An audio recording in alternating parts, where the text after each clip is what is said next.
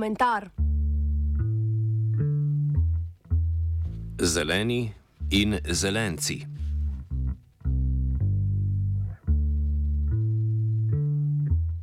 Na Silvestrovo je večina bruselskih novinarjev prejela e-pošto, v kateri se je nahajal predlog Evropske komisije glede tako imenovane zelene taksonomije. Zelena oznaka bi investicijam v tehnologije, ki jih je odobril Brusel, prinesla dostop do velikih količin tako zasebnega kot javnega zelenega kapitala. Po več kot letu nestrinjanj je Evropska komisija vzela vprašanje v svoje roke in prišla do, glede na interese najvplivnejših držav, pričakovane odločitve, da so oznako zelene in trajnostne investicije dobile tako jedrske elektrarne, kot tudi elektrarne na plin. Morda se je komu zdelo paradoksno, da je bila glede na politične odzive bolj kontroverzna odločitev glede jedrskih elektrarn, ki jim najmočneje nasprotuje Nemčija.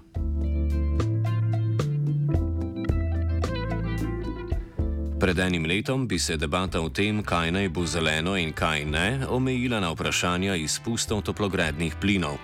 Letos pa je vprašanje dobilo še večji pomen. Evropa se je namreč jeseni znašla v najhujši energetski krizi od naftnih kriz v 70-ih letih. Cene na trgih z elektriko na debelo so bile pred novim letom več kot desetkrat više od povprečja preteklih let.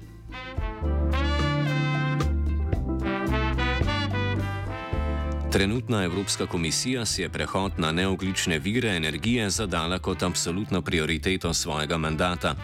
Ambicija nima zgolj znanstveno ničkoliko krat potrjene okoljske nujnosti, ampak tudi politično logiko. Stranke z zelenimi programi so potem, ko so se leta počasi krepile in prebijale v parlamente, v zadnjih treh letih postale nov veliki igralec na političnem prostoru več evropskih držav.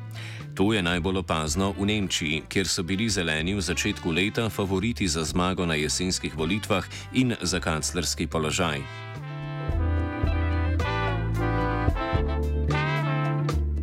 Nemški zeleni, tako kot pred več kot stoletjem nemški socialdemokrati, ključno zaznamujejo razvoj sorodnih strank v drugih evropskih državah.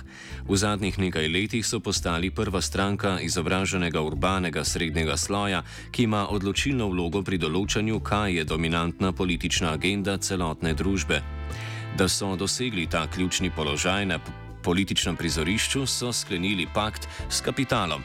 Kot je povedalo več vodilnih članov stranke, tudi so predsednik in glavni ideolog Robert Habeck, je stranka ugotovila, da bo prišla na oblast, če se ne bojuje s kapitalom, ampak z njim sklene dogovor.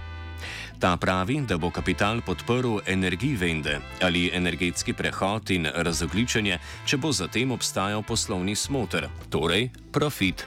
Oblikovanje politike od tu dalje sledi vprašanju, kako v gospodarstvu ustvariti sistem spodbud, ki bo naredil investicije v razogličenje dobičkonosne. Industriji, ki so okoljsko krizo povzročile, ne želijo uničiti, ampak jim omogočiti prehod, hkrati pa poskrbeti za vzpon novih gospodarskih paradnih konjev.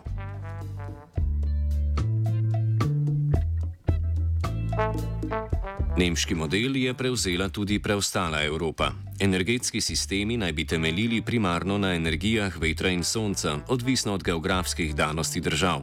V Sloveniji bo to primarno sonce, v Nemčiji pa veter. Ogrevanje in transport naj bi se razogličila z elektrifikacijo. Najtrši oreh so nekatere industrijske panoge, v katerih lahko trenutna fosilna goriva nadomestijo zgolj obnovljivo proizvedeni nadomestki, naprimer vodik, pridobljen z elektrolizo. To vrsten energetski prehod zahteva popolno prenovo večine industrijskih panog in izredno visoka državna vlaganja, kar bo verjetno ključno politično vprašanje naslednjega desetletja. Hkrati predvideva vzpon novih industrij, ki bodo postale najvplivnejši gospodarski igravci, gotovo vplivnejši od današnje naftne industrije.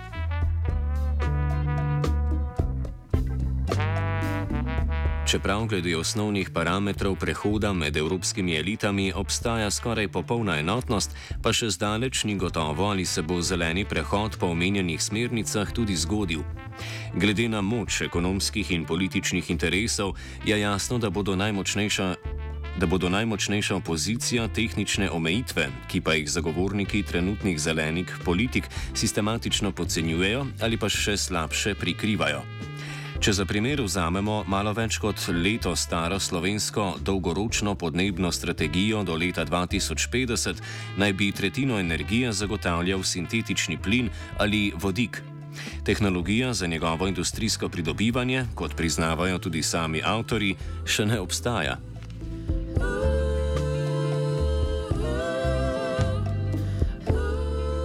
Prav zaradi tega bo v prihodnosti veliko vlogo še naprej igral zemeljski plin. To so do sedaj najbolj očitno razkrili odzivi na predlagano Evropsko zeleno taksonomijo. Največ nasprotovanja je poželo odločitev, da se financiranje s trajnostnimi investicijami omogoči jedrski energiji. Zaradi tega je avstrijska vlada že napovedala tožbo Evropske komisije. Prvi razkol je ta odločitev povzročila tudi v novi nemški semaforski koaliciji. Namreč med zelenimi, ki jedrski energiji nasprotujejo za vsako ceno, in socialdemokratskim kanclerjem Olafom Šolcem, ki jedrski energiji nasprotuje doma, na evropskem prizorišču pa si ne želi pokvariti odnosov s Parizom. Glede zemljskega plina obstaja soglasje, da bo nujen del nemške energetske prihodnosti. Temu ne nasprotujejo niti zeleni, ki podpirajo gradnjo plinskih elektrarn, nasprotujejo pa temu, da bi bile te investicije uvrščene med zelene.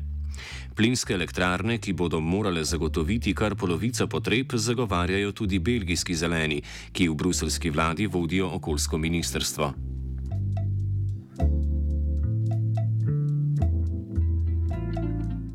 Zagovarjanje plina je nujna posledica dejstva, da veterne in sončne elektrarne ne morejo zagotoviti zanesljive in predvidljive oskrbe z elektriko, saj so odvisne od vremena. Shranjevanje energije bo morda kmalo mogoče tekom posameznega dne, ne pa tudi med daljšimi obdobji neugodnega vremena, kaj šele med sezonami, saj je to nesprejemljivo drago. Največje upanje predstavlja shranjevanje sintetičnega plina ali vodika, ki bi bil proizveden z viškom obnovljive elektrike. A v doglednem času, in nihče ne ve, dokdaj, bo manjko nadomeščal zemljski plin.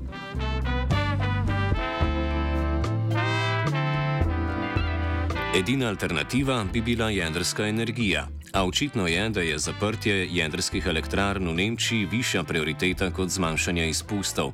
Kako naj si drugače razlagamo politiko, ki zapira elektrarne, ki proizvajajo brezoglično energijo po ceni med 10 in 20 evrov na megavatno uro in zagovarja drugo, ki izpušča toplogredne pline ter ima trenutno ceno več kot 300 evrov na megavatno uro.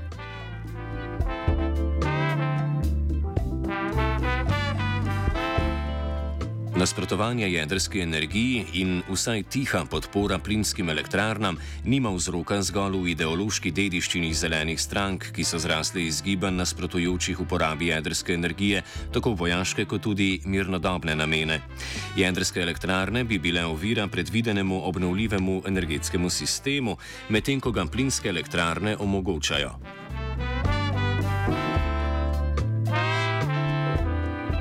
Enako ključno je, da bi bila prenova energetskega sistema, ki bi temeljil na jedrskih elektrarnah, v nasprotju s prostotržno logiko zelenega prehoda. Ta si prizadeva ustvariti poslovno okolje, znotraj katerega naj bi rešitve našla zasebna podjetja. Ta bodo hkrati zamenjala preostanke centraliziranih državnih energetskih podjetij, ki so po drugi svetovni vojni monopolizirala proizvodnjo elektrike. To so storile, da bi elektrificirale države in podprle gospodarski razvoj, ki je bil takrat tudi v kapitalističnih državah državno planiran.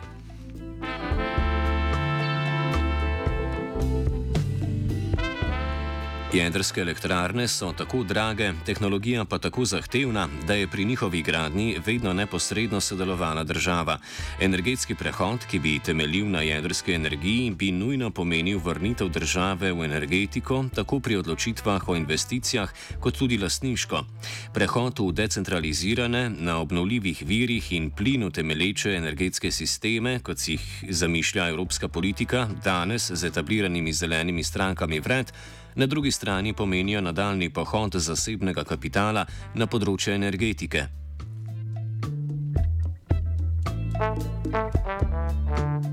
A to ne pomeni, da družba političnih sil, ki so izbrale to pot, ne bo kaznovala, če bo pot pripeljala do drage in nezanesljive elektrike. Nova zelena industrija bo tako kot danes, recimo avtomobilska, že preveč pomembna, da bi ji bilo dovoljeno propasti. Njihovi politični botri pa bodo spoznali, da, če parafriziramo Mefistovo opozorilo Faustu, je elektrika za sodobni svet prav poseben sok.